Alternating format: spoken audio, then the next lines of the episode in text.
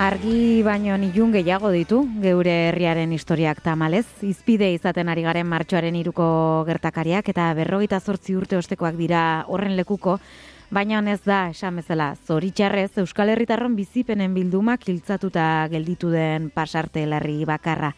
Xabino kuadra dugu gurekin, San Fermiak iruroita mezertzi gogoan elkarteko kidea. Ongi etorri, Xabino. Esker mila. E, egunon. Egunon, egunon. Ez dakite aukera izan duzun, e, martxoaren iruko gertakariak e, izpide izaten ari garela gaurko saioa pixka bat entzuteko. E, Aintzan ezen arro, gora institutuko kidearekin izan berri gara orain bertan martxoaren iruko e, fundazioa eratu berri delako eta memoria gune hori e, ba, bueno, gutxinaka gutxinaka errealitate bihurtzetik gertua, gertuago dagoelako. E, German Rodríguezen hilketaren inguruko gertakarien argipenaren bueltan sortutako elkartea da zuena, baina esan bezala martxoaren irua gertu dugunez galdetu nahiko nizukelenik eta behin ea nolak oroitzen dituzunzuk duela berroita zortzi urteko martxoaren iru hartan gertatutakoak? Bueno, e, buruan, e, buruan daukat, bai, e, ze, ni abokatu laboralista eta de orden publiko nenbilen karai hartan, eta, e, bueno, irukoa gertatu ondoren urrengo gunean e, agertu ginenan gazteizen, e, ba, bueno, atxiloketak, e, jendea etxetik e, iesaldiak e, e, e, eginak eta hola, eta holako kasu batzutan, ba, bueno, gure lana egiteko abokatu gisa. Orduan, e, bai, modu zuzenean eta biziki, bueno, ikusi nun gertatu zen, hasta egun horretan bertan, iruan ez, baina urrengo gunetan, e, bai, eta ikusi, ikusi nun, e, ba, bueno, nola geratu zen iria, eta kontatu ziguten, e, ba, bueno, poliziak e, egindako sarraskian orako izen zen, eta hola. Orduan, e, bai, oso modu zuzenean e, bizitu, bizitu nuen hori. Eta, bueno, bizitu zenituen eta oraindik bizi dituzu ere irurogeita mezortziko San Ferminetako gertakizunak eta horren ondorengoak, hain justu zeuen elkartearen eh, erdigune dira. Galdetu nahiko nizuken helenik eta behin, martxoaren iruko gertakizunak ere errepasatu ditugulako, baina no zer German Rodríguez Irmindarra eta zer gertatu zen mila beratzireunda irurogeita mezortziko guztaiaren zortzi hartan. Bueno, e, gazteizen gertatu zen antzeko, bueno, antzeko zarbait, eh? Mm. E, zeren azken finean, e, poliziak egineko sarraskia hemen, hemengoa ere, urte horretan gertatu zena San Ferminetan, a, antzekoa izan zelako. Polizia, a, bueno, aitzaki, aitzaki bate erabiliz, a, zezen plazan sartu zen, tiroka, borrakadaka, lehenengo momentutik, ean, e, roedoan zegoen jende guziari e, pelotazoka, eta jendeak, e, bueno, bai, e, erantzun e, egin zion poliziari, eta ja, hasi zen e, polizia tiroka, tiroka, ba, bueno, e, ke poteak, e, pote lakrimogenoak, eta e, baita ere munizio erreala e, disparatzen. Eta, orduan, ja, kaosa, han ez ezen plazan, e, ba, zezen plazako e, enfermerian e, berroita amagos lagun sartu ziren, e, ba, abarrota, abarrotatuta geratu zen enfermeria, eta bertan ja e, iru lagun e, bala zauritua. E, horietako bat oso larriki, gainera. Gero zabaldu zen hori, za iruñan zehar, zezen plazaren inguruko kale, kale guzietan, eta German Rodizena e, gertatu zen poliziak e, erailakoa. Hm? Eta nora deskribitu hori e, zea, e, ba, bueno, zarraski bat bezala, zarraski polizial bat bezala, estatu e, krimen bat bezala, hori azken finean izan zen. Eta urte luze hauetan lanean ibili zarete, zein, zein izan da zuen aldarrikapen nagusia edo nagusiak hobe esan da? Bueno, aldarrika, aldarrikapen nagusia da, ba, bueno, e, memoria historikoan e, planteatzen denaz. Eta egia, lortzea, horren bitartez e, justizia e, bueno, eskatzea, e, eta gauzatzea, eta horren ondorioz, e, bi, mm, bueno, eskaera horien ondorioz, ba, erreparazioa e, lortzea. Hori da eskatzen duguna. E, zehazkiago, ba, bueno, e, Martin Bila baitzea Zeren azken finean, bai, e, San Ferminetakoan, e, bueno, agente asko egon ziren, e, polizi komisarioa, Miguel Rubio, alde batetik, ba, polizia armadaren e, buruzagia, komandante, komandante Fernando Ávila, baina azken finean arduradun politikoa e, Madrilen zegoen, Martin Villa zegoen, barne ministroa garai hartan, eta berak esan zuen, lo nuestro son errores, lo bello son crímenes. Eta e, egun horietan, e, bueno, irratian, e, irratitik grabatu zena, ba, bueno, go, polizia goi kargo, kargo batek e, esana, e, disparar con todas vuestras energías, no os importe matar. Hori ez zen e, e, errore bat izan, Martin Bilarek esan zuen moduan, baizik eta agindu konkretu bat, hiltzeko agindu bat. Eta ordun horregatik, e, bueno, arduradune asko daude, baina batez ere guk eh, zentratu dugu momentu enten e, ardura e, Martin Bilaren gan. Mm Eta hori, e, lehen esan dudana, egia lortu nahi dugula, justizia, e, justizia lortzeko epaitegietako e, ateak ireki behar direla, eta horren e, ondorioz, ba, bueno, reparazio e, osoa lortzea. Hori da, bueno, e, Bide horretan, bai, bide horretan berriki Dolores Delgado, gizasku biden eta memoria demokratikoarekin, demokratikoaren e, salako fiskal espainiarrarekin bilduzarete, positiboki baloratu zuen bilkura hori?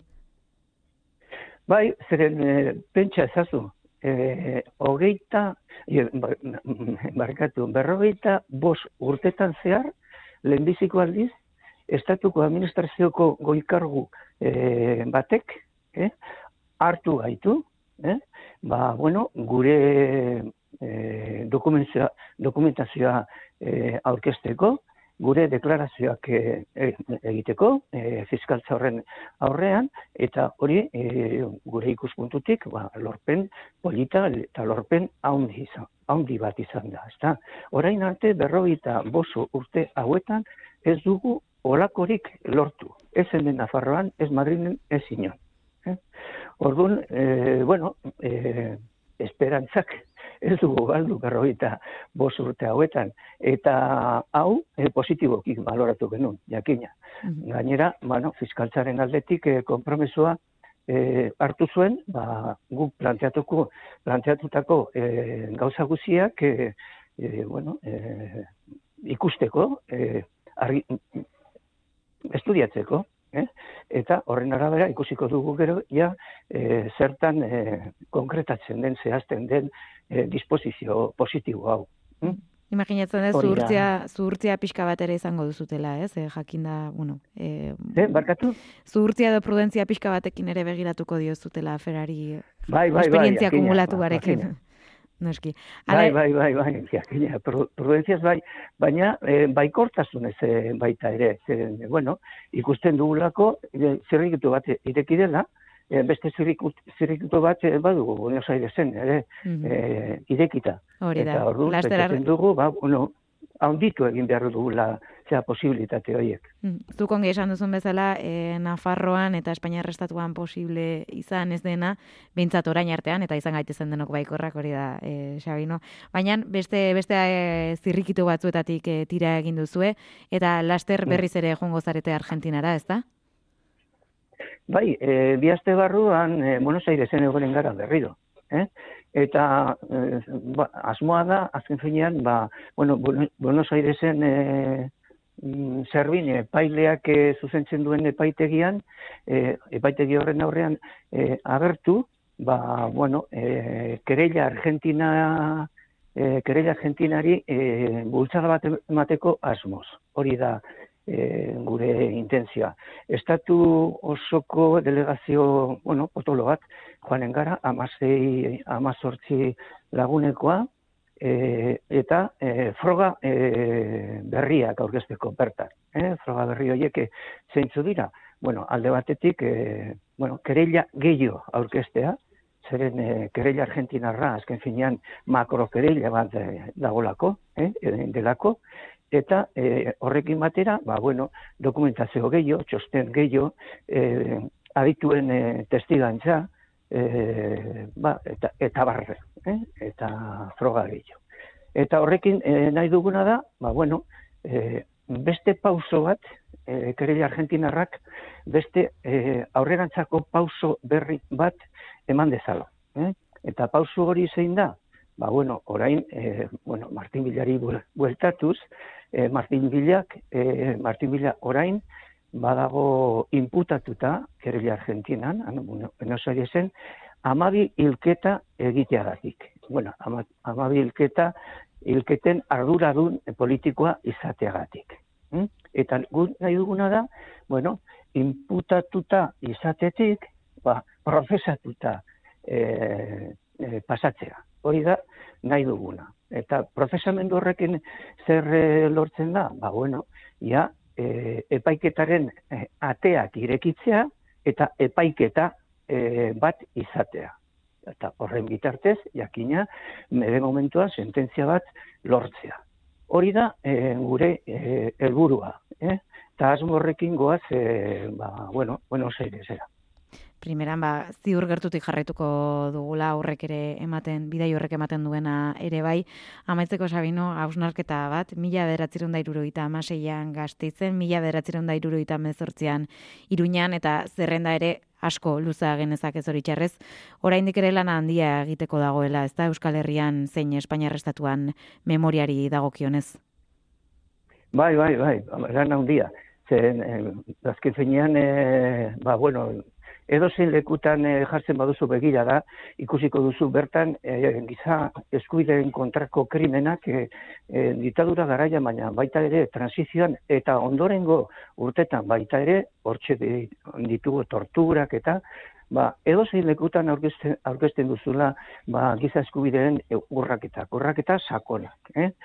Eta nazioarteko legediaren kontrako e, ba, krimenak, eh? E, az, bueno, e, islaratzen dituztenak. Eh? Hori da e, aurrean duguna, eta horren aurrean, ba, bueno, kriston lana oraindik ere e, egin behar da. Zeren, e, ba, e, egiaren aldetik e, asko idatzi da, asko i, e, ikertu da, justiziaren aldetik zero patatario, patateroan e, gaude momentu honetan, eta lortzen ari den erreparazioa oso parziala da eh?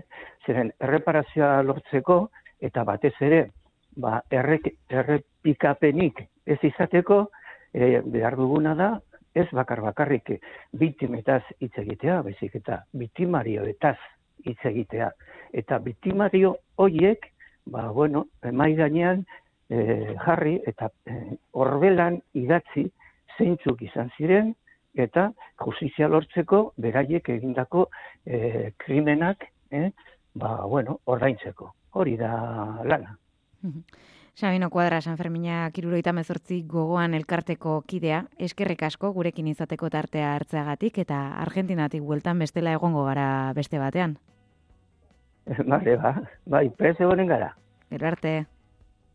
Gero arte, bai.